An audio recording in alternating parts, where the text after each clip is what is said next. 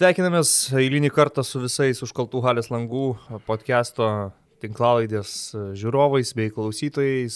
Kalbėsimės apie krepšinį kartu su Karoliu. Kaip visada apžvelgsime Eurolygos praėjusios savaitės įvykius. Buvo dviguba savaitė, nemažai rungtynių, daug surprizų. Taip pat pažiūrėsime ir į šią savaitę. Pažiūrėsime, kokios rungtynės potencialiai turėtų būti įdomiausios. E, aptarsime viską po truputėlį. Įžangai gal tam, kad įsibėgėtumėm šiek tiek, e, norėjau tau, Karaliu, užduoti tokį klausimą, nes vis tiek e, mėgsti dažnai nueiti prie tokių hipotetinių scenarijų, tai galvoju, kad galbūt surasi visai įdomų atsakymą. Jeigu galėtum pasirinkti kokio vieno krepšininko, nesvarbu NBA ar Europos, karjerą peržaisti iš naujo, kur tu manai, kad gal, jinai galėjo būti geresnė, ar, Ar, ar kažkokių kitokių argumentų rastum, sugalvosi dabar taip ant smūgio kažką?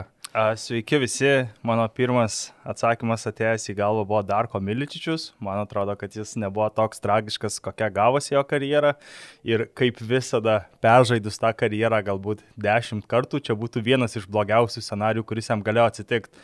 Nes jeigu uh, vietoj Darko būtų buvęs pasirinktas Melo arba, arba Veidas, e, Darko būtų patekęs į netokią stiprią jau iš karto to, tuo metu komandą komandą, jis būtų gavęs žaidimo laiko, jis galbūt būtų tobulės, vėliau nebūtų turėjęs dėl nežaidimo Detroitė tų visų psichologinių problemų, vėliau prasidėjo jam ir, ir, ir, ir potraukis alkoholiui ir, ir, ir kitiems e, nesveikiems dalykams. Ir mano nuomonė, kad jis galėjo būti pakankamai solidus centras, pražaidęs NBA 10-12 metų ir turėjęs galbūt panašią, panašią karjerą, kaip galbūt net Jonas Valančiūnas šiuo metu turi. Aš atsimenu, jo buvo tokių ir labai trumpų blikstelėjimų jau po Detroito ten Orlando. Atkarpėlių Orlandė, Minnesotai galbūt. Bost, ne, Bostonė gal ne. Bostonė gal ne, Minnesota berots, Orlandas vienu metu dar užsidirbti sugebėjo neblogą kontraktą po kažkokio sezono su padorė statistika, sakykim taip. Bet jo, tas su Detroitu įdomus variantas, kad realiai pir, pir, pirmais metais jis tapo NBA čempionu, nes jau buvo tokia gera komanda nors prie to čempiono titulo jo indėlis labai minimalus. Gal net mažiausias komandoje. Čia dar priveda vieną tokią įdomią diskusiją. NBA žaidėjai ir apie tai netgi pasisakė kai kurie, kad jeigu Detroitas būtų Melo. pasidrafnęs Karmelo, jie nebūtų laimėję to NBA titulo, e, nes komandai buvo tokia gera energija, e, chemija, kad ten nieko iš esmės keis nereikėjo, o pasidrafnus Karmelo jie vis tiek turbūt turėtų ieškoti jam vietos, minučių, rolės, Larry Brownui reikėtų aukoti kažkurio metu ten galbūt iš Šono Princo minutės. Taip, taip, aš jau norėjau sakyti, kad Šonas Princas tada būtų buvęs daug mažiau žaidžiamas. Jo, ir, ir galimai Melo tu neleisi nuo suolo, turbūt reikia kišti į starto penketą. Ir turbūt jiems susigadintų rūbinės. Blogiau žymiai atmosfera. Nepriklausomai nuo to, kokio talento žaidėjas yra. Karmelo Antony. Beje, aš atsakant iš tą klausimą, gal net visai svarstyčiau ir Karmelo Antonio karjerą peržaisti. E, ir mano esminis kabliukas būtų išvengti New Yorko. Mhm, išvengti e, noro pinigams. Jo, išvengti New Yorko Knicks projekto, galbūt tęsti karjerą ir toliau Denverio Nuggets komandui, tikintis, kad e, dar galima užkurti bent vieną gerą projektą. Buvo tie bandymai, sakyčiau, ne visai nesėkmingi su, su J.R. Smithu, Alenu Iversonu, Linas Kleizet savo laiku turėjo ten rolę, jie buvo nužengę iki konferencijos finalo. Čia daugiausia. E, daugiausia, ką pasiekė taip ir pralaimėjo tada Kobės Lakeriam. Ir jeigu, ir šiaip originalus didysis trejetas Miami ir buvo konstruojamas aplink Melo ir Lebroną. Bošas nebuvo į tą įtrauktas, bet kai Melo pasirašė su, su New Yorku, tuomet ir Bošas atsirado vietos Miami'e. Jo, tai aš gal peržaidinėčiau tą karjerą tuo, kad Carmelo Anthony Nuggets e, istorijoje gan ryškus žaidėjas, kad liktų dar Denveryje ir bandytų pasiekti kažką su, su ta organizacija, nes šiaip aš turiu galvoj ir labai gerą Carmelo Anthony versiją ir labai blogą, tą tokią šviežesnę, kur jau žaidėjas daugiau atrodo destrukcinis nei naudingas komandai, o tas Carmelo Anthony iš Denverio laikų, tai per karantiną netgi uh, turėjau progą perkomentuoti Lino Kleizos gerų rungtynių už Denverį. Tai Tik jam vienas su, ir šitas su, su Juta tas rekordinės, bet ir dar vienas, kur buvo ten su Golden State ar kuo tais, nepamenu, bet dar vienas jo, jo buvo rungtynės, kur ir jis ir Biedrinis gerai sužaidė vienas, vienas kitoj komandai, kitas kitoj. Mhm. Tai tą senąją tokią Carmelo Antonio 2007 versiją prisiminus, nu tikrai buvo žiaurinis žaidėjas su mirtinu to midrange metimu. Uh, įspūdingas izolacijoje, vienas prieš vieną paliktas ir nugarą, ir veidų į krepšį. Žiaurus koreris buvo iš tikrųjų ir Uh, ir jis ir nuguls MBA istoriją kaip žiaurinis koreris. Jo, bet, bet nelabai, nes... nelabai ką laimėjęs. Tiesiog. Jo, jo, tai jis ir bus tas toks žaidėjas, kuris primetė daug taškų, jeigu dar tęs karjerą kitą ar dar kitą sezoną, turbūt E, jam atsiras vietos net ir top 10 visų laikų reguliariojo sezono pagal, pagal įmestus taškus. Nu, bet... ten į Hall of Fame įrenkant, aišku, bus dar pastiprinantis argumentas, tai olimpiniai medaliai, kurių jisai susirinko daugiau nei bet kuris kitas. Ta pati bronza. Atenuose. Taip, nuo, nuo, nuo jos viskas prasidėjo. Kažkada, kai Veidas pausino į kažkurią savo socialinę mediją, surašė savo laimėtus medalius ir kažkaip pamiršo paminėtas dvi bronzas, 2 ir 2 šeštais. Na, nu, 26 tai aišku, ten ta pasaulio bronza gal ne taip, bet olimpinė, manau, kad reikėtų paminėti, kad ir jinai netikė ten jiem labai daug džiaugsmo tuo metu. Bet... Su tuo Lauro vainikus stovi ant... Jo, aš puikiai pamenu tą komandą su Vaidu, Lebronu ir Karmelo labai jaunais ir, ir ten Lebronui dar tam Fibos krepšinė iš vis buvo žaisti nepatogu, be, jo, be nieko... gero tritaškio jis ten jie niekada nieko nebuvo žaidę, man atrodo, nei Melo, nei, nei Veidas, nei Lebronas jokiame jau jaunių jaunimo krepšinyje, nei viename turnyrą, man tai atrodo. Ir svarbiausia, kad ta rinktinė, taip prisiminus, Lietuvėje ją nugalėjo grupė, taip aišku, pralaimėjo dėl bronzos, bet Lebronų ir Veidui tai buvo labai nepatogu žaisti, nes jie neturėjo gero metimo iš toli visiškai. Lebrono airbolus aš daugiau atsimenu iš to turnyro. Karmelo galėjo pataikyti jau tada, aišku, jam gal buvo kažkiek kitaip, bet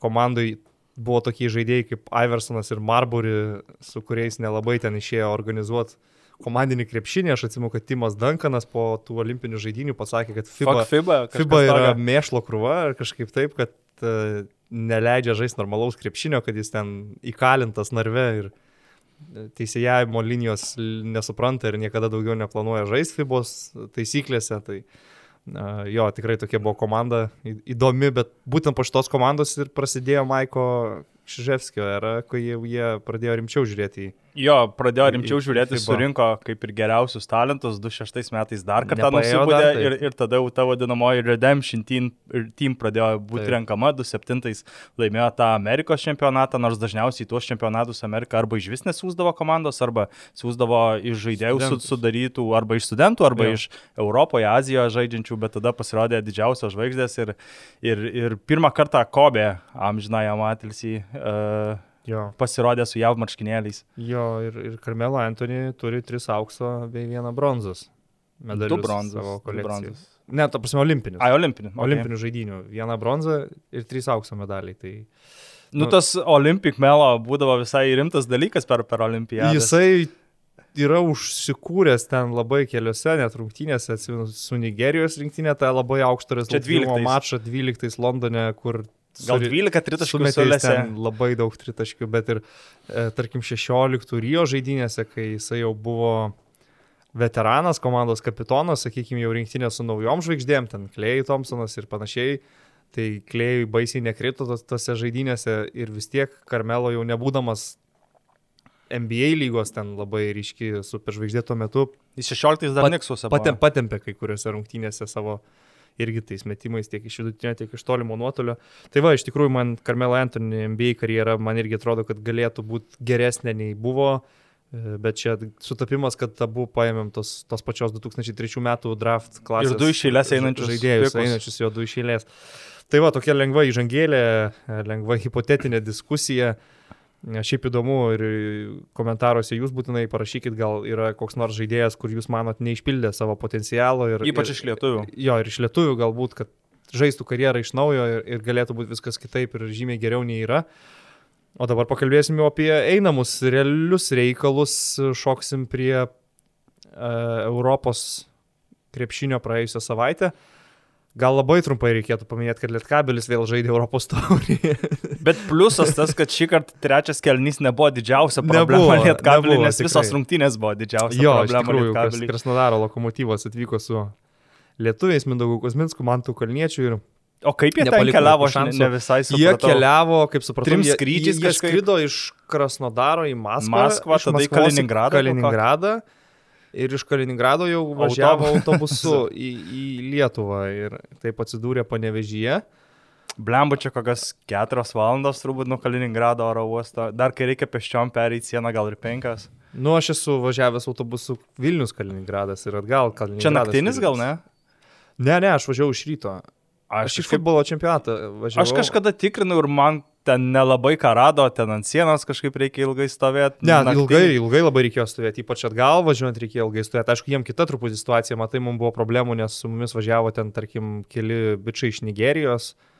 Ir stabdo visą autiką. Jo, ir stabdo visą autiką ir visus tikrina, tai jie prie punkto ten užtruko virš valandos, mes ten lietuviai, kurie važiavo truputį greičiau, mums paprasčiau, mes ten su savo pasais lietuviškais, bet, nu jo, tos patikros buvo ilgas, bet pati kelionė tai yra žiauriai ne- nesmagi, nes ten uh, riedi per visokius kaimus, kaimelius, kur keliai yra tiesiog katastrofiški, tas autobusas purtosi, kratosi, stoja vietomis kažkur, tai uh, vaizdai pro langą ten tokie, nubloškė, nežinau, kokius 60-uosius gal aš sakyčiau, ten kur uh, stovi didžiulė stotelė, uh, nupieštas tas pergalės. Čia dien- Rusijos pusėje. Jo, jo, nupieštas tas pergalės dienos uh, simbolis su koloradiniam tom spalvom ir atsirėmęs tą stotelę guli benamis su rašalo buteliu, miega akivaizdžiai ten namukai aptriušė, apgriuvę iš padangos, ten augantis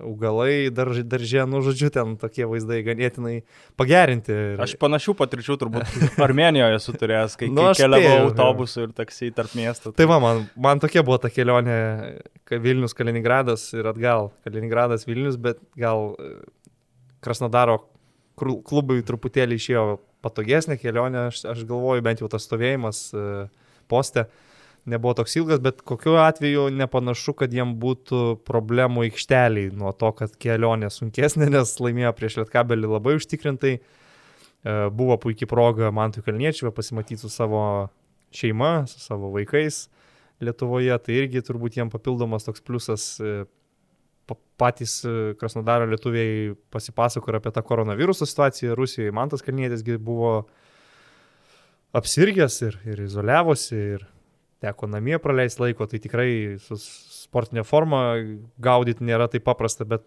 žaidė, sakyčiau, labai lengvai, toks Kai Kuzminskas aikštelį šypsosi, tai gali suprasti, kad komanda gerai žaidžia. Turbūt taip reiktų pasakyti. Ir jo, trečią kelnį pralaimėjo tik 12 taškų ir čia turbūt buvo geriausias trečias kelnys šį sezoną. To ir galim pasveikinti, bet, nu jo, dabar jau, sakykim taip, Lietkabelis sužaidė su trim didžiausiais baubais savo grupėje.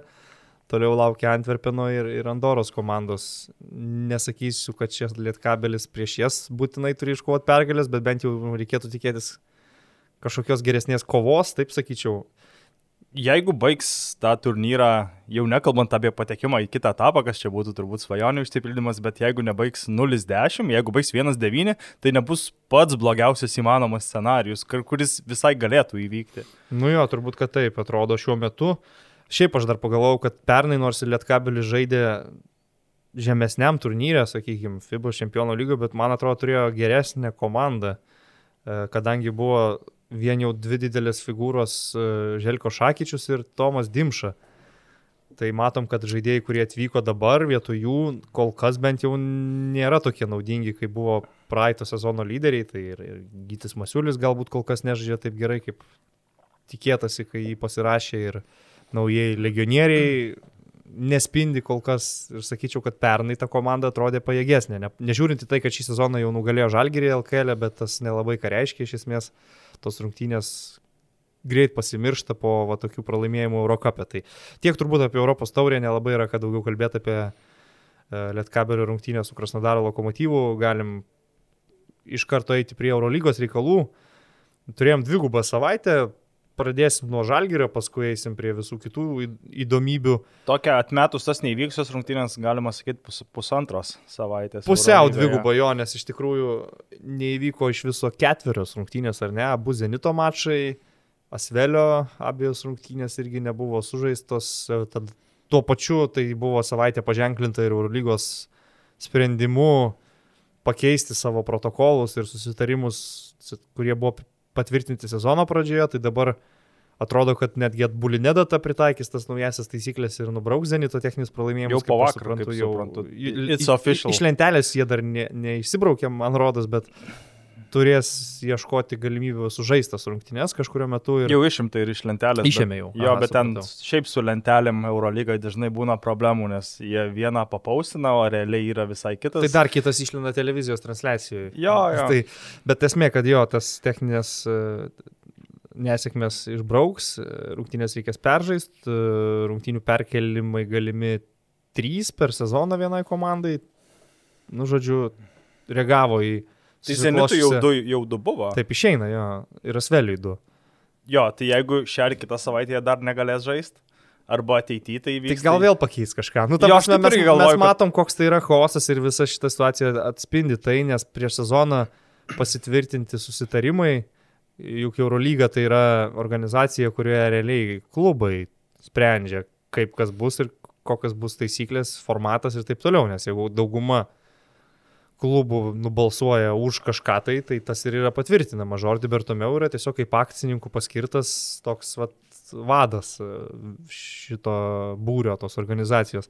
Tai matom, kad tai, kas buvo paruošta prieš sezoną, sugriuvo jau trečią savaitę. E, Pradėjo teko sušaukti neįlinį susirinkimą, pasitvirtinti pakeitimus, pamatė, kad tie techniniai pralaimėjimai iššaukia audras emocijų ir uh, pasipiktinimo, sureagavo, dabar priemė tokius sprendimus, sakykime, bent jau trumpam bus ramiau. Kiek ilgai bus ramiau, klausimas. Bet, bet čia toks irgi kaip nesukčiavimas, bet toks lengviausias sprendimas, nes tada Himki galėjo tai būtent, išgalvoti taip. traumas ten kokiam Zaicevui. Jiem nereikė, nebūtų reikėję išgalvoti. Jie realiai turėjo tik septynis vaikus krepšininkus, nes aštuntas Bertanis negalėjo jo, jo, žaisti, bet jis ne, nebuvo, nebuvo su koronavirusu, tai tu galėjai įsodintis ant solelio. Jo, tai jie jie, jie sužaidė, galima sakyti, garbingai, e, pagal, jie, jie pagal visas taisyklės ir e, galbūt tai sezono gale atsipirks, bet dabar matant juos 0-4 jie turbūt, ar taip, nėra prieš nieką. Taip, jie Pavo pralaimėjo pirmą turą, kur dar žaidės, sakykime, normalios sudėties, tada prasidėjo visos tada žalgeris, tada Baskonija. Tai iš esmės realas. jie tiesiog tam, kad nebūtų techninių pralaimėjimų, subūrė komandą žaisti prie žalgerį, realą ir Baskoniją, bet žaisti, nu, neturint jokių šansų laimėti. Ir tai dar jie ten, kad realui pralaimėjo tik 9 taškais, aišku, tai gal susiję daugiau su paties realo labai silpna motivacija kol kas. Bet e, pradėkim vis tiek nuo, detaliau taip nuo Kauno Žalgirio, dvigubą savaitę, dviejos labai skirtingos, mano akimis, rungtynės, Belgradė su Cirvenas Vesda, e, labai klampikova, su, super nerezultatyvus ant, e, ketvirtas kelinys, viskas sprendės per paskutinės minutės, ir po to visai kitokios rungtynės jau namie su Anadolu Efesu iškovota pergalė 18 taškų skirtumų, rezultatyviausios žalgerio rungtynės kol kas šį sezoną Eurolygoje. Pradedant nuo Belgrado rungtynių, man jos gal kažkiek buvo panašios į mačą su Olimpijakosu, kur irgi varžovai geriau pradėjo nei žalgeris, irgi nelabai paėjo su Steve'u Vasturija pradžia, bet vėl labai patempė Rokas Jokubaitis. Apskritai įžaidėjai Lietuvė Jokubaitis ir Lekavičius buvo turbūt tie tokie polimo varikliai pagrindiniai tose rungtynėse. Daug tokių bangavimų, labai blogą kėlinį keičia labai geras, trečias kėlinys labai rezultatyvus, ketvirtas žemo rezultatyvumo, Zvezda tokia gan kieta komanda su savo amerikiečiais lyderiais, kurie galbūt ir nesumetė kartais tokių neblogų metimų po driblingo, kokius jie mėgsta ypač Lenkstonas Holas, aš pažymėčiau, kad ketvirtam kelnį prametė gerus metimus, kur gavo susikeitimą, kurio nori, įsiveržė arčiau krepšio ir iš vidutinio nuotolio tiesiog neįmesdavo.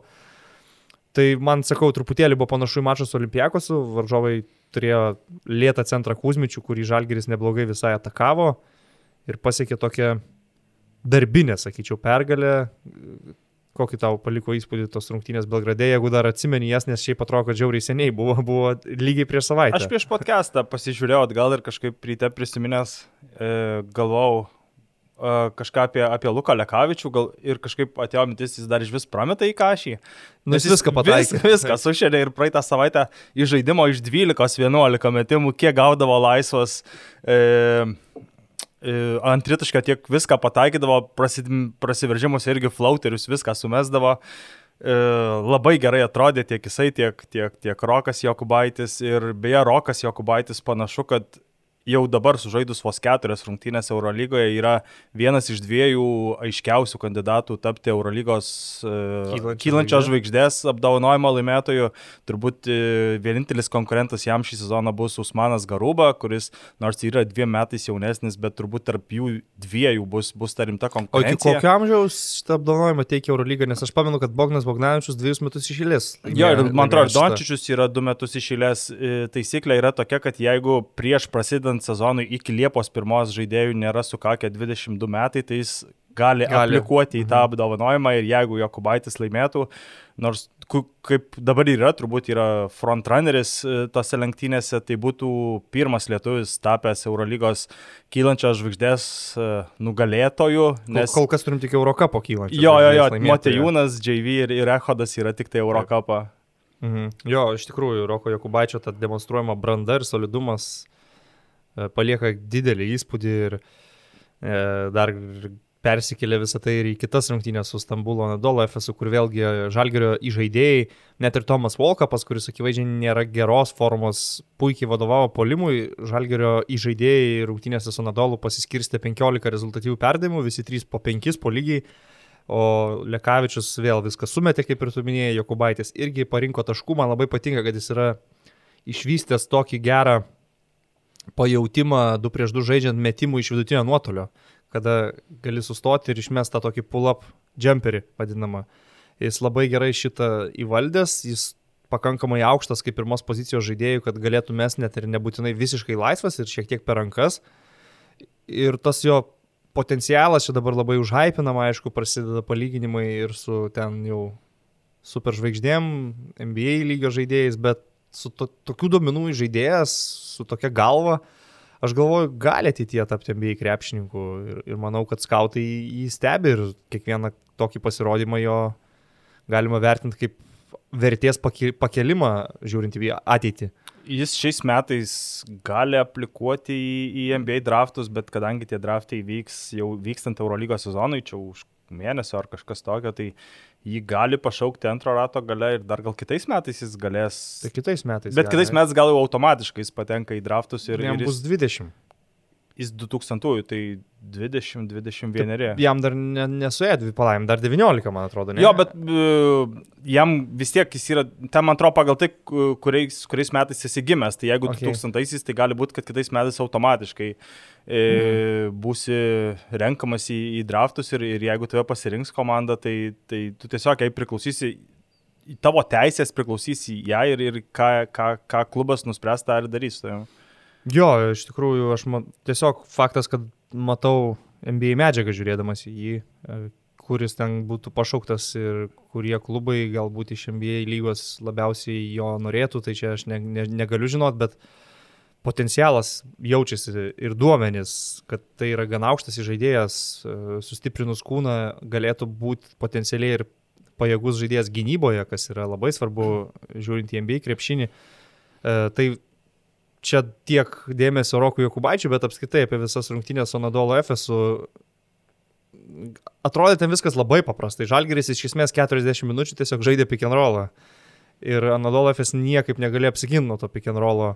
Man Anadolų atrodė visur kokią sekundę ar žingsnių lėtesni, blogiau pasiruošę, žalgyriečiai atrodė žymiai geriau pasirengę, Anadolų žinom, kad tas pasiruošimas sezonui buvo labai chaotiškas su visais COVID-ais, Glorija taurėje ir panašiai, karantinais. Ir jiems atrodo, kad dviejas rungtynės per savaitę, arba kitaip tariant, du mačus per tris dienas sužais buvo per sunku. Jie sužaidė neblogą mačą su Berlyno Alba, bet Kauno Žalgirio arenoje aš mačiau FSO šešėlį, tiesą sakant, man jie tokie atrodė nepajudantis, pradedant Vasilijai Misičium, kuris visai negyvas buvo tose rungtynėse, tęsiant ir kitais, kurie tiesiog nespėdavo gynyboje. Na ir šiuo atveju aš sakyčiau, Žalgiris rezultatas gal net atrodė geriau nei pats vaizdas, nes nepasakyčiau, kad Žalgiris gynėsi žiauriai gerai. Kažkuriuo momentu gal ir būdavo, kad nukirto su tą side gynybą jų pick and rollus, bet iš esmės Dansnas pridarė daug žalos.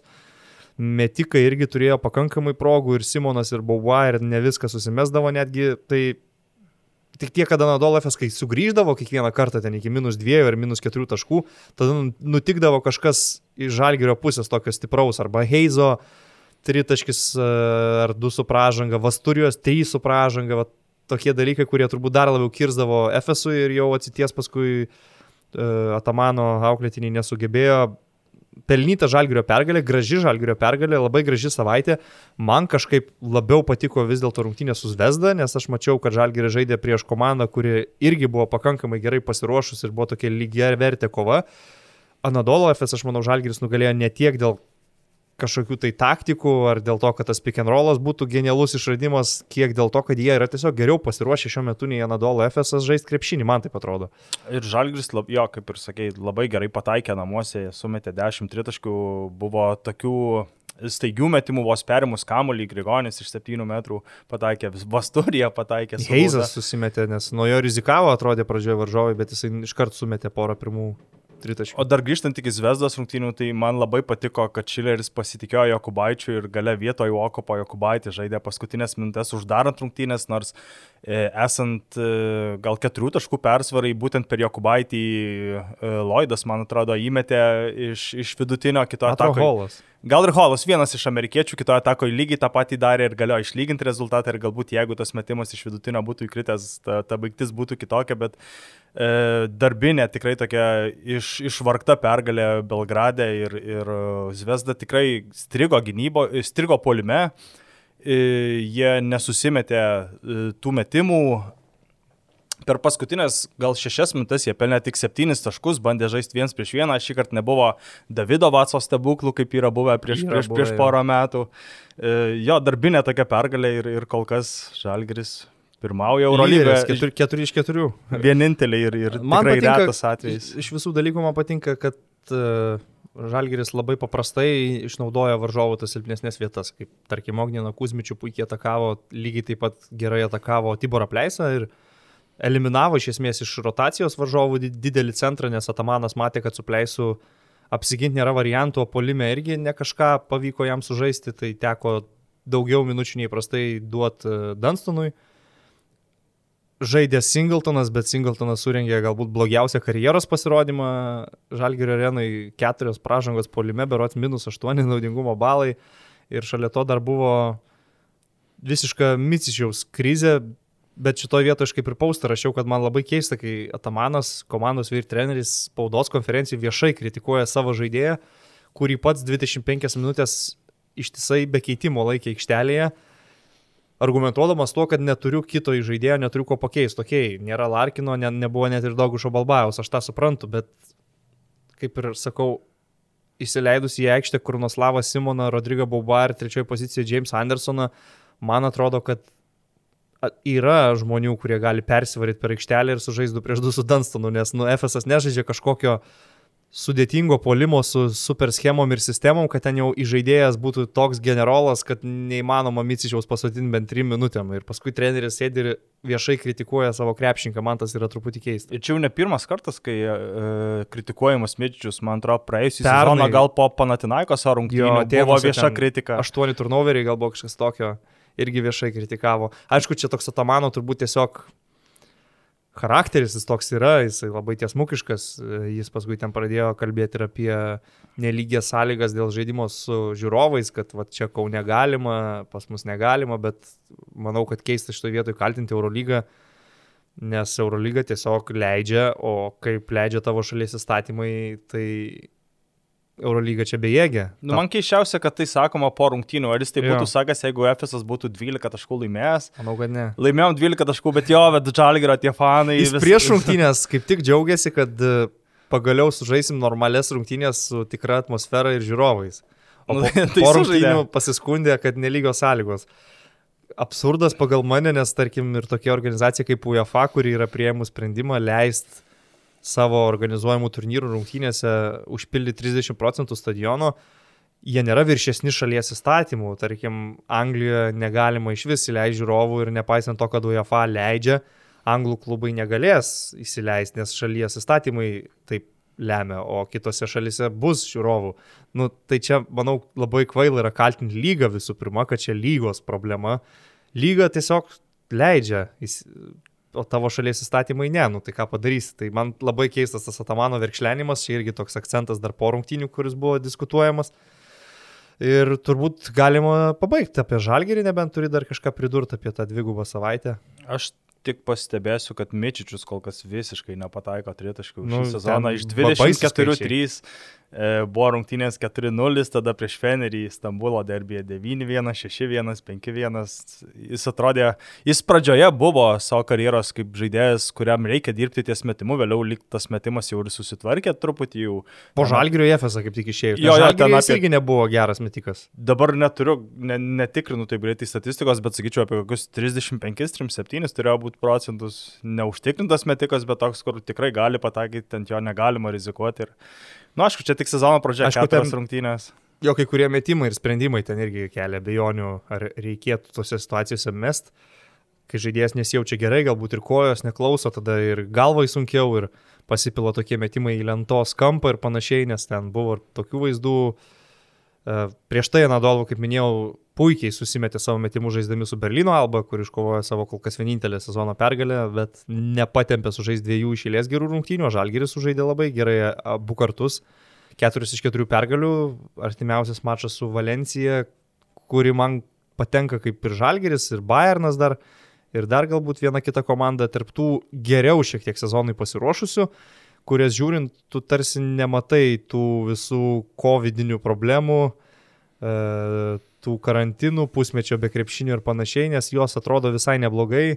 Tiek Barnas, tiek Valencija. sudėtį, ir pagal žaidimą. Tiek, tiek Barnas, tiek Valencija turėjo savo sezonų pratesimus, dėl to ir, ir žaidė, ir vasarą, dėl to jie, nu, kaip ir ne, nėra, kad nežaidė pusmetį. Na, Aišku, nežaidė- Realas irgi turėjo, pavyzdžiui, savo Taip, taip. pratesimą, bet pas juos turbūt kitos problemos, ten gal motivacinės problemos, net nežinau, re, apie Realą irgi dar pakalbėsim šiek tiek, bet jau paliekant dabar Žalgirį ir jų dvigubą savaitę, anonsuojant, kad žais su Valencija šią savaitę, turėtų būti labai įdomios rungtynės, aš manau.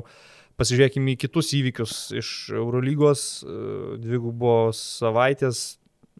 Mm, Pradėkim gal, tarkim, nuo Barsos, Barsa Panatinaikosas rungtynės, kur prireikė netgi pratesimo, labai sunkiai iškovojo Barsa pergalę ir kažkiek gal dėl to, kad patys nelabai sužaidė, bet kažkiek aš sakyčiau ir dėl to, kad buvo labai nemalonių jiems surprizų. Tai pradėčiau nuo Hovardo Sintroso tritaškių, kur atrodo žaidėjas e, jam tik leisk mes, tegul jisai meta tavo komandai, nuo to bus tik geriau, jisai susimetė netgi ir per rankas tokių metimų, gan sudėtingų. Ir dar nemanė Nedovičius, tragiškai pradėjęs sezoną, kaip ir jo tautietis Vasamicičius šį kartą prišaudė tritaškių per rankas. Nu ir aš sakyčiau, ta Barsos pergalė realiai turėjo būti kiek paprastesnė nei buvo, bet e, komplikavo labai viską tie sunkus Panatnaikoso pataikyti tritaškiai. Dar Markusas Fosteris irgi suleido iš 7-4. Na, aišku, jisai nėra blogas metikas. Ir, ir kai, aš nepamenu dabar jau visų metimų, bet kai kurie iš jų buvo pakankamai laisvi. Ir tuo pačiu dar plus 3 turint e, Jo, jaunas kažkuris- Martinėsas užšoko tiesiog ant Kaselakio, Panatinaikoso graiko metančio iš trijų taškų zonos ir trim baudų metimais Kaselakis išlygino rezultatą. Tai irgi situacija, kurios tarsi galėtum išvengti. Barsa rinkosi neprasižengti prie plus trijų, gynėsi ir va taip va, jiem viskas baigės, bet galiausiai laimėjo rungtynės. Man labiausiai gal įstrigo abi CSK rungtynės, sakyčiau, gal CSK buvo net vertė abi rungtynės pralaimėti praėjusią savaitę. E, Stambulo derbyje galbūt pirmą kartą sezoną taip ryškiau nesužaidė Maikas Džeimsas, e, rungtynių gale Gal ne derbėje? Koks čia derbė? Ai, atsiprašau, pasakiau derbį. Čia tik pataisau, sorry. dviejų ne Europos Sąjungos komandų derbyje. Uh, CSK po herojiškų Vilo Klaiburno uh, sprendimų gale laimėjo. Man keista, kad Vilas Klaiburnas, pavyzdžiui, nežaidė ilgiau, jį išleido ketvirto kelnio antroje pusėje. E, Prie min... Pratesimo pradžią netgi taupė. Taip, taip, taip, tada pakeitė vėl atgal Kurbanovą ir vėl likus dviem, dviem minutėm išleido Klaiburną dėl polimo. E, būtent per Edgarą Ulanovą buvo pelnyti tie du taškai su pražanga, vėliau nulėmė pergalę. Nu, iš dalies gal per Veselį. Tarsi pro Ulanovą. Pro Ulanovą prasiveržė. kažkaip Ulanovas ten užsižiūrėjo gal į užtvarą ateinančią. Jis nesitikėjo, kad Klaiburnas iš karto į kairę, labai akivaizdžiai, nes labiau ruošiasi tokiai set gynybai, kad e, jie reikiuosis irgi poziciniai atakai, o Klaiburnas pagavo momentą, pamatė koridorių į kairę ir Tai gal pirmą progą Varė ir, ir sprintavo jo. nu, toks Eurolygos, dažnai iš tą kartoju Lebronas, kaip jisai ten ir atviroji aikšteliai pasigavęs kamolį, prasimeta pro nugarą, perbėga visą aikštelę, užbaigia ant duonų po varžovų krepšių. Jo ir prieš Fenerį. Dar tritaškius sumetė prie viso ko. Jo, jis nėra užtrik, užtikrintas tritaškų metikas, bet, e, bet e, tą paskutinį tritaškį pataikė, ten, aišku, buvo ir sėkmės jau toje situacijoje, Feneris irgi rinkosi nebauduot prie, prie plus 3. Amerikiečių kultūros treneris, tai čia nereikia stebėtis turbūt kokoškovas. Ir e, skirtumas tas gal, kad gal kiek keistai CSK atrodo, kad tiek šį sezoną, tiek ir ankstesniuose sezonuose Tudis neleidžia geriausių žaidėjų nuo pat rungtynių pradžios.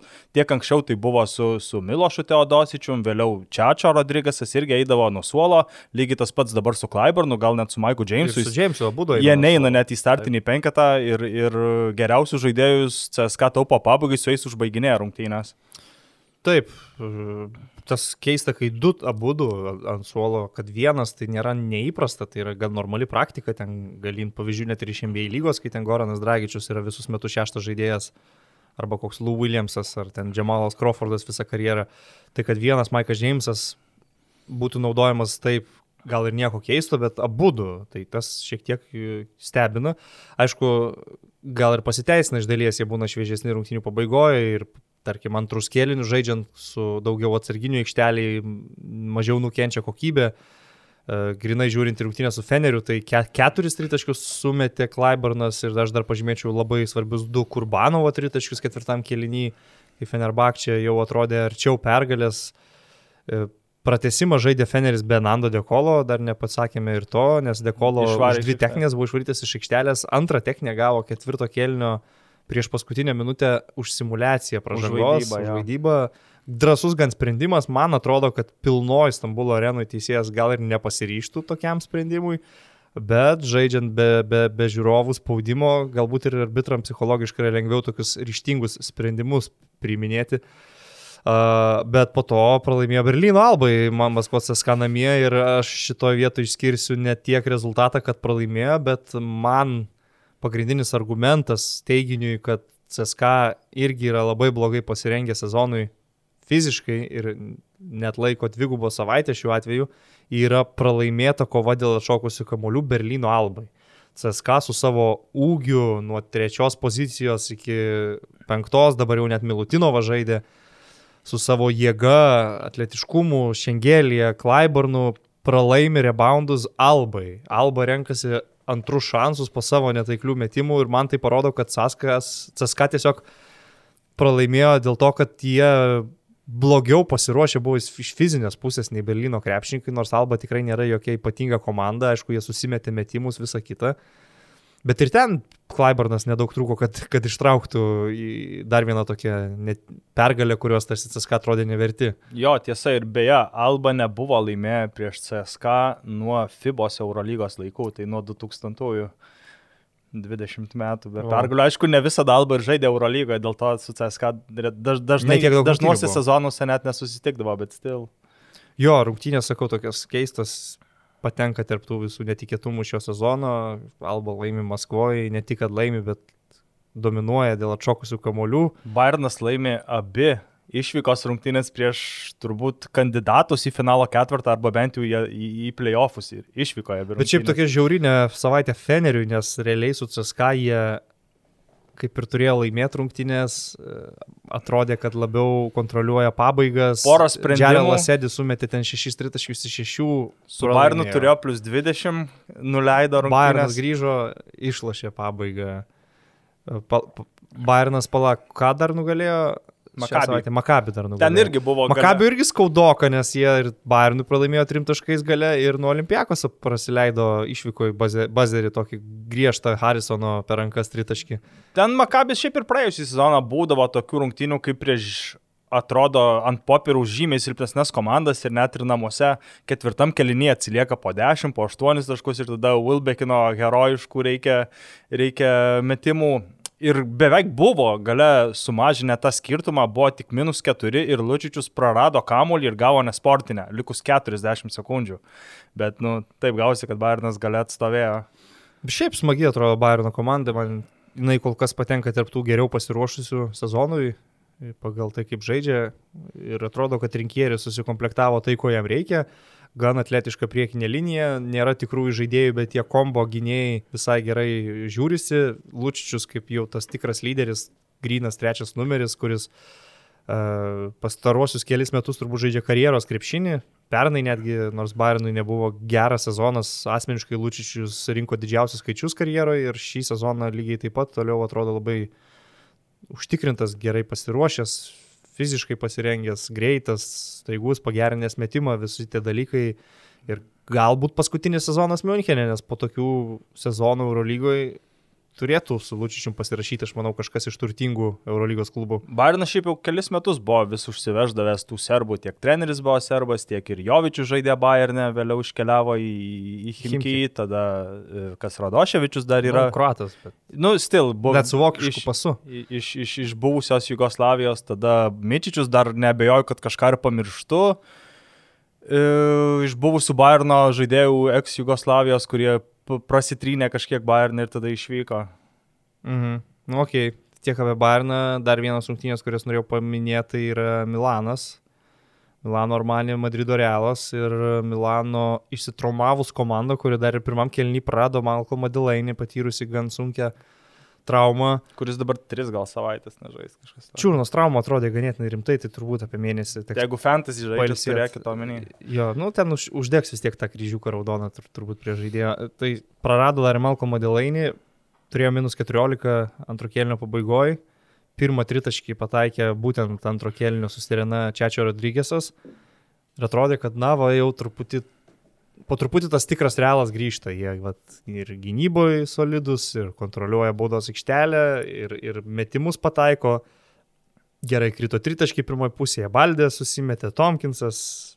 Nu, žodžiu, švietėsi lengva ganėtinai realo pergalė, atsižvelgiant į varžovų situaciją su traumomis.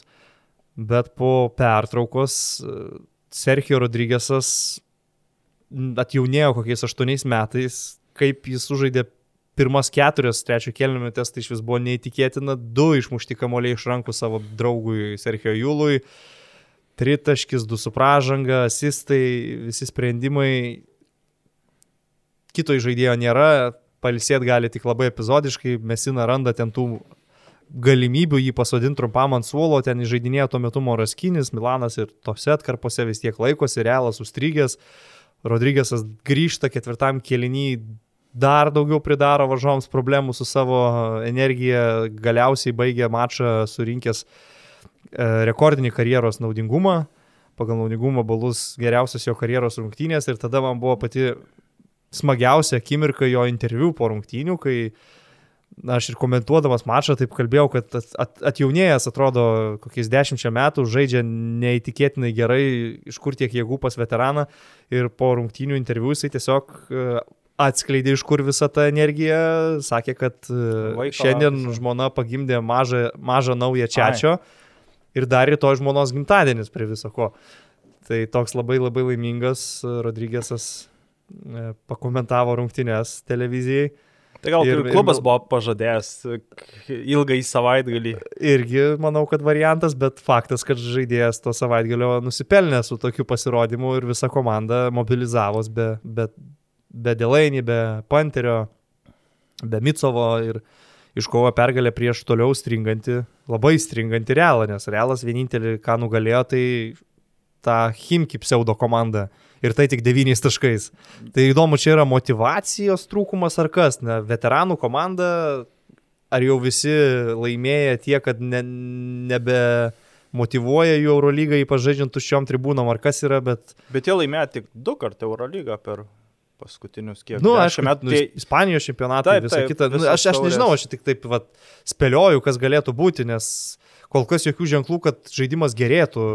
Ir šią savaitę L klasiko susitinka su Barsa Eurolygoje. Na, jeigu jau čia nesusimotivuos, tai nežinau, kas gali motivuoti realą.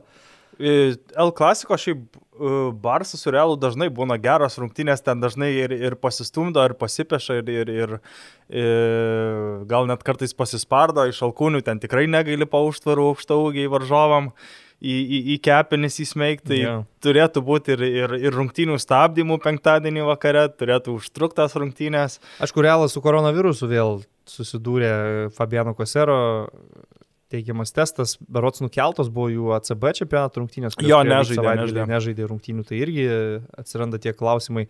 Anksčiau jie turėjo su Trejim Tomkinsu tą patį. E, Man gal ir atrodo, kad iš tikrųjų kai kurie veteranai tiesiog jau natūraliai paseno ir ta labai ilga pertrauka be krepšinio juos dar daugiau užbalansavo, tai kol kas sunku žiūrėti į Rudy Fernandesą, į, į Sergio Julą, e, nelabai pažaidžiančius ir Julas pabaigoje bando gelbėti komandą, Kampaco susirenka penkias pražangas, bet tie gelbėjimai tokie desperatiški, nesėkmingi.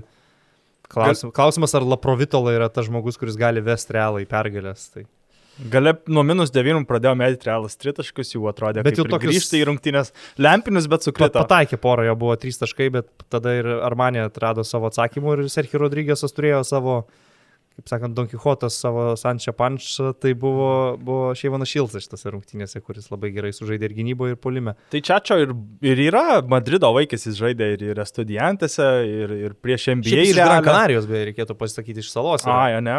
Jo, jis yra iš salos, bet, nu, aišku, jo profesionalo karjeros jau tie pirmi dideli žingsniai buvo Madrido klubuose. Tada į NBA, NBA važiavo į. Portlandą, atgal grįžo. Jo, jis yra iš Gran Canarijos. Ir Okay. jis Nežinau aš to. Lab... Aš klausiau jo podcastą su Hein, Kailu Heinsu. Kailas Heinsas da, daro, gal jau nebedaro, bet praeitą sezoną darė savo podcastus Mhm. ir kviesdavosi ten buvusių visokių komandos draugų, esamų komandos draugų, tai vad su Sergio Rodrygės sukalbėjosi. Ir, Bet čia nėra tas oficialus Eurolygos podcastas. Kad to Eurolygai talpindavo pati pas save. Ai, ok. Ir, ir ten jo, čia čia pasako, kad jis yra salos vaikas, žodžiu, iš Gran Canarijos ir kaip tik tą sezoną Gran Canarija žaidė Eurolygoje ir buvo jo sugrįžimas į, į, į Gran Canarijos salą, atstovaujant Milano klubui. Tai va, to, tokios, tokios tokelės su Madrido Realu, kol kas prie outsiderių ir, ir ne tai, kad pagal rezultatą, bet ir pagal žaidimą atrodo viena prastesnių komandų. Visai kitaip atrodo, pavyzdžiui, Baskonija Baskonija. kuri dar ir Barsą nugalėjo Ispanijos lygoje praeitą savaitgalį ir kol kas Rokas Gedraitis atrodo gan įspūdingai šitoje komandoje. Polime jo rodikliai fantastiški, tiek ir taškai, tiek ir pataikymo procentai. Aš vė- vėliau gal dar taip pakalbėjau apie Jokubaitį kaip NBA prospektą, apie Gedraitį irgi turiu šiuo atveju nuomonę ir palyginimą, bet šiaip apie Baskoniją kalbant, šiek tiek gal ir netikėta, nes e, taip atrodė pagal praėjusius metus su Duško Ivanovičium pasenusiu Europos kontekste treneriu, tokia sunki komanda, atrodė, kad nelabai ką gali pasiūlyti, pasipildė metikais ir va kaip viskas pasikeitė, staiga pradėjo kirsti ir ispanų grandus. Šį sezoną jie jau yra laimėję ir prieš Barsą, ir prieš Realą. Prieš Barsą, aišku, ACB, prieš Realą Eurolygoje. Bet tikrai irgi atrodo viena tų geresnių komandų kol kas šitoje sezono stadijoje. Baskonija tarp sezonyje vietoj Grangerio paėmė Gedraitį. Šį, šią savaitę beje klubai susitiks tarpusvė, tai tiek Grangeris, tiek, tiek Gedraitis žais prieš savo buvusią komandą. Baskonija ir Ispanijoje atrodo pakankamai gerai, per šias rungtynės iškovotos keturios pergalės. E, tikrai kažkiek netikėta. E, Eurolygoje gal tie rezultatai e, nėra tokie, kad labai atspindintys jų žaidimą, e, jiems aišku pasisekė, nu, galima kažkuria prasme sakyti, kad pasisekė užšokti ant, ant išsitraumavusios Himky. E, Man atrodo, kad komandai reiktų mobilesnio centro, nes tiek su Jackery, tiek su Diopu sezono eigoje, ypač jeigu vienas iš žaidėjų gautų traumą, tikrai būtų sunku verstis ir, ir kitą žaidėją atakuotų varžovų gynėjai, bet tol, kol tokioje elitinėje formoje žaidžia Gedraitis, žaidžia Vildoza, žaidžia Henry. e, He- Pierre Henry. Alekas Petersas dar labai pasiteisinęs pirkinys, jis irgi dabar nežaidė dėl traumos, bet kol kas labai pasiteisina irgi kaip metikas.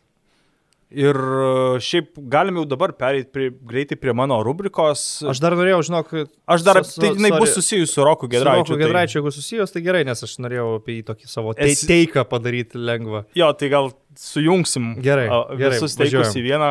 E, Esi in ar out, kad tokioje formoje Rokas Gedraitis šiuo metu yra top 3 Lietuvos krepšininkas. Hmm. Top 3 tai reiškia atmetus Valančiūną ir Domantą Sabonį iš esmės yra pirmas žaidėjas. Atmetus, kad jisai būtų trečias po Jo, jo, ta tai iš esmės yra geriausias Aha. be NBA lietuvių. Nu kaip, e, aš esu in, kad šitoj atkarpoj jis yra toks, bet e, ar apskritai aš jį jau galėčiau laikyti kaip jau tikrą stabilų top 3 lietuvių krepšininką šiuo metu dar e, palaukčiau, neskubėčiau su tuo. Bet aš manau, kad faktas, jog Rokas Gedraitis jau nebūtų dabar nacionalinėje rinktinėje prie bet kurio trenerio 11 ar tai 12 žaidėjas, kaip, kaip, Kaip pernai, pernai beje, buvo pasaulio turės varžybose. Tai, prieš metus. tai yra faktas, o dėl jo, ką aš norėjau pasakyti, tai aš žiūrėdamas jo žaidimą, kaip jisai dabar užtikrintai jaučiasi Baskonijoje, puolime ir netgi pas tokį griežtą trenerį kaip Duško Ivanovičių vis tiek e, daro tos savo dalykus, iš esmės, kuriuos puikiai darė ir Berlyno Alboje, žaidžiant daug laisvesnį krepšinį. Ir dar pa- pagerino savo statistiką. Ir kol kas viskas jo dar yra sezono. net geriau. Nu, vėlgi apimtis dar nedidelė. Sezono metu, aišku, bus ir kažkokių prastesnių pasirodymų, ir duobė galbūt kažkurio metu, bet kol kas, pagal tai, ką matom kol kas, tai visiškai geriausia karjeros atkarpa. Ir aš jį žiūrėdamas taip galvoju, kad jis labai tiktų NBA ir jeigu jis patektų pas tinkamą trenerį, į tinkamą organizaciją, galėtų būti šiauriai naudingas žaidėjas ir e, ieškodamas palyginimų, su kuo čia palyginus, mėgstam lyginti dažnai lietuvius, ypač krepšininkus, su kažkuo tai Su Durant. yra kažkada iškeltas šitas, bet aš galvoju apie dvimetrinį atakuojantį gynėją, kuris turi ilgas rankas, kuris puikiai juda be kamulio, kuris gali sumaišyti visą varžovų gynybą, atsidengti, išmest staigų tritaškį iš posūkio nuo kaktos, nenuleisdamas kamulio, normalų tritaškį, visus tos dalykus atlikti, sužaisti handoffo situacijas. Man asociacijos kyla su Duncanu Robinsonu. Man Rokas Gedraitis labai panašus į jį savo kūno sudėjimu, savo judėjimu be kamulio. Ir aš manau, kad patekęs pas teisingą trenerį NBA lygoje jis galėtų būti išnaudojamas labai panašiai kaip Miami Heat išnaudoja Duncaną Robinsoną, kuris iš esmės yra žaidėjas atsiradęs iš niekur. Nedraftintas, žaidęs G lygoje, jis prieš, prasimušęs. prieš penkis metus žaidė NCAA trečiam divizionė, kur iš esmės žaidžia žaidėjai, kurie netampa profesionalais. profesionalais. Ir jis neplanavo tą profesionalų, ten jau pats Siuntėsi apie į Veką žurnalisto karjerą domėjasi. Ir atsirado va taip iš niekur, jį išskautino, rado Miami's, pasidarė iš jo elitinį metiką, kol kas jis ten žaidė už su milijono dolerių kontraktų. Tai Gedraitis, aišku, važiuotų, jeigu į NBA ir būtų pasiūlymų ne už milijoną dolerių, jau važiuotų į kažkokią aiškesnę vietą. Bet bendrai paėmus, aš manau, kad toj didelėje NBA aikštelėje jam galbūt netgi lengviau daryti visus šitus dalykus, kuriuos jis padaro Europoje. Yra tie patys klausimai dėl asmeninės gynybos, dėl to pažeidžiamumo, trūkumų savaime suprantama yra, bet tos trūkumus kartais galima ir paslėpti, ką daro Miami su Duncanu Robinsonu. Tai vad, man kilo tokios asociacijos ir aš galvoju, kad Rokas Gedraitis galėtų būti labai efektyvus žaidėjas NBA krepšinėje, kaip grinas metikas, patekęs į gerą komandą, su geru žaidėju, su geru treneriu, puikiai atsiskleistų ir to NBA aikštelį taškus rinkti ir laisvą metimais mes yra dar paprasčiau nei Europoje iš tikrųjų. Tai va tokios mano mintis būtų apie, apie Roką ir įspūdžiai pasižiūrėjus jo pirmus žingsnius Baskonijai. Galvojant apie NBA komandas, tai komandos, kurios mėgsta europiečius, tai Dalasas, San Antonijus, ten galbūt rastų savo vietą po saulę, kildamas nuo suolo 15-18 minučių, turbūt galėtų rasti savo Ir aš rolę. labai norėčiau, kad jis nuvažiuotų, nes, nublemba, tokių duomenų su tokiom ilgom rankom, toks talentingas žaidėjas, aš noriu, kad jis būtų NBA.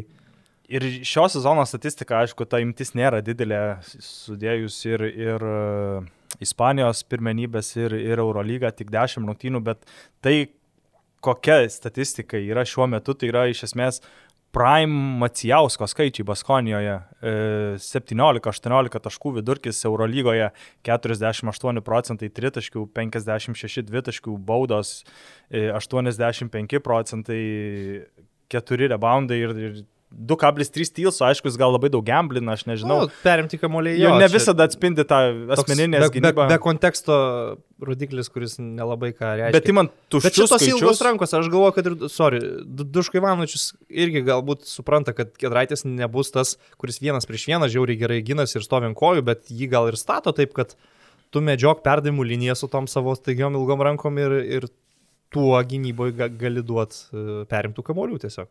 jo, bet imant uh, aklai, tiesiog nežiūrint į žaidimą, aklai statistiką, tai yra uh, šiuo metu jau elitinis Eurolygos žaidėjas. Tai tu in dėl top 3, kaip suprantu. Man, jeigu kas nors paklaustų, kas šiuo metu yra top 3 žaidėjai Lietuvoje, tai būtų Valančiūnas, Sabonis ir kažkaip no-braineris man iš karto į galvą ateina Grigonis. Bet e, tai, ką šiuo metu daro Gedraitis šioje formoje, palyginus su, su Grigonio forma, jo, aš esu in, kad Gedraitis yra top 3 Lietuvo žaidėjas.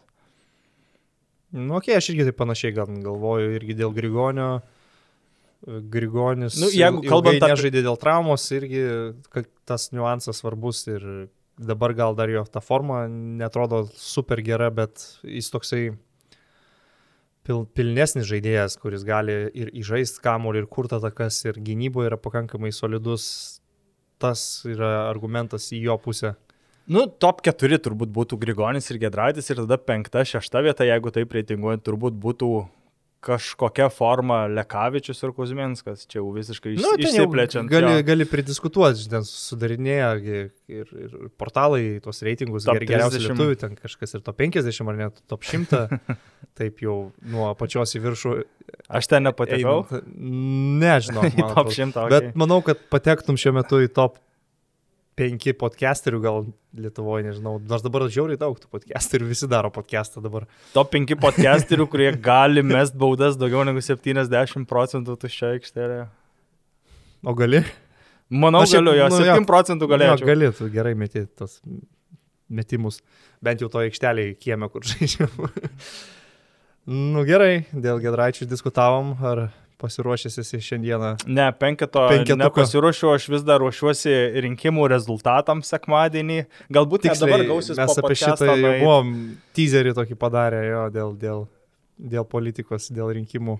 Tai galima apžvelgti tai, kas vyks dar šią savaitę. Žalgeris Valencija, net, ir ne, net ne dėl to, kad čia žaidžia Žalgeris, bus vienas įdomiausių rungtynių šią savaitę. Uh, Panatinaikos Fenerbakčia, gal kažkiek istoriškai įdomias rungtynės, Čia bet... pavadinimas įdomus. Jo, jo, bet, bet tai, ką, ką šį sezoną demonstruoja Pantinaikosas tiek ant popieriaus, tiek ir, tiek ir aikštėje, tikrai gal ne, nelabai Ne- pritrauks. neįkvepia tikrai jo. Nu ir Barça Realas, jau apie šitą kalbėjom turbūt. Jo, L klasiko. Įdomu tai, kad dėl klasiko šią savaitę ir Eurolygoje, ir, ir futbole La lygoje irgi. Tai Savaitgalį, ne? Savaitgalis e, šeštadienį. Tai du L klasikai, futbolo ir krepšinio. Tokia savaitė, kai galės išsiaiškinti Ispanijos du didžiausi klubai ir turbūt didžiausi Europos klubai apskritai santykius ir krepšinio ir futbolo aikštėje. Uh, tai turbūt tiek toks Eurolygos anonsas, e, bus vėl į ką pasižiūrėti. Mano akim ta kokybė po truputį vis gerėja, beldžiasi į duris jau tas geresnis krepšinis.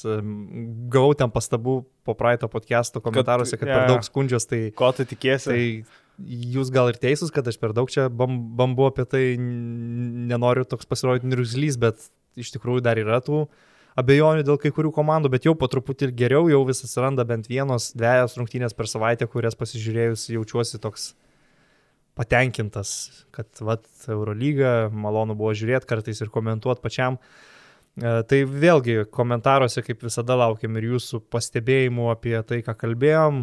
Visada smagu, kai užfiksuojat kažkokią klaidą, faktinę klaidą pataiso. Tai O jų tikrai būna. būna be abejo, tai labai malonu, kad, kaip sakant, atidžiai klausotės ir, ir viską užfiksuojat. Aš manau, kad pati geriausia kritika ir objektyviausia yra būtent iš žiūrovų, kurie pastebi klaidas ir jas pataiso, tai malonu, kai duodat feedbacko.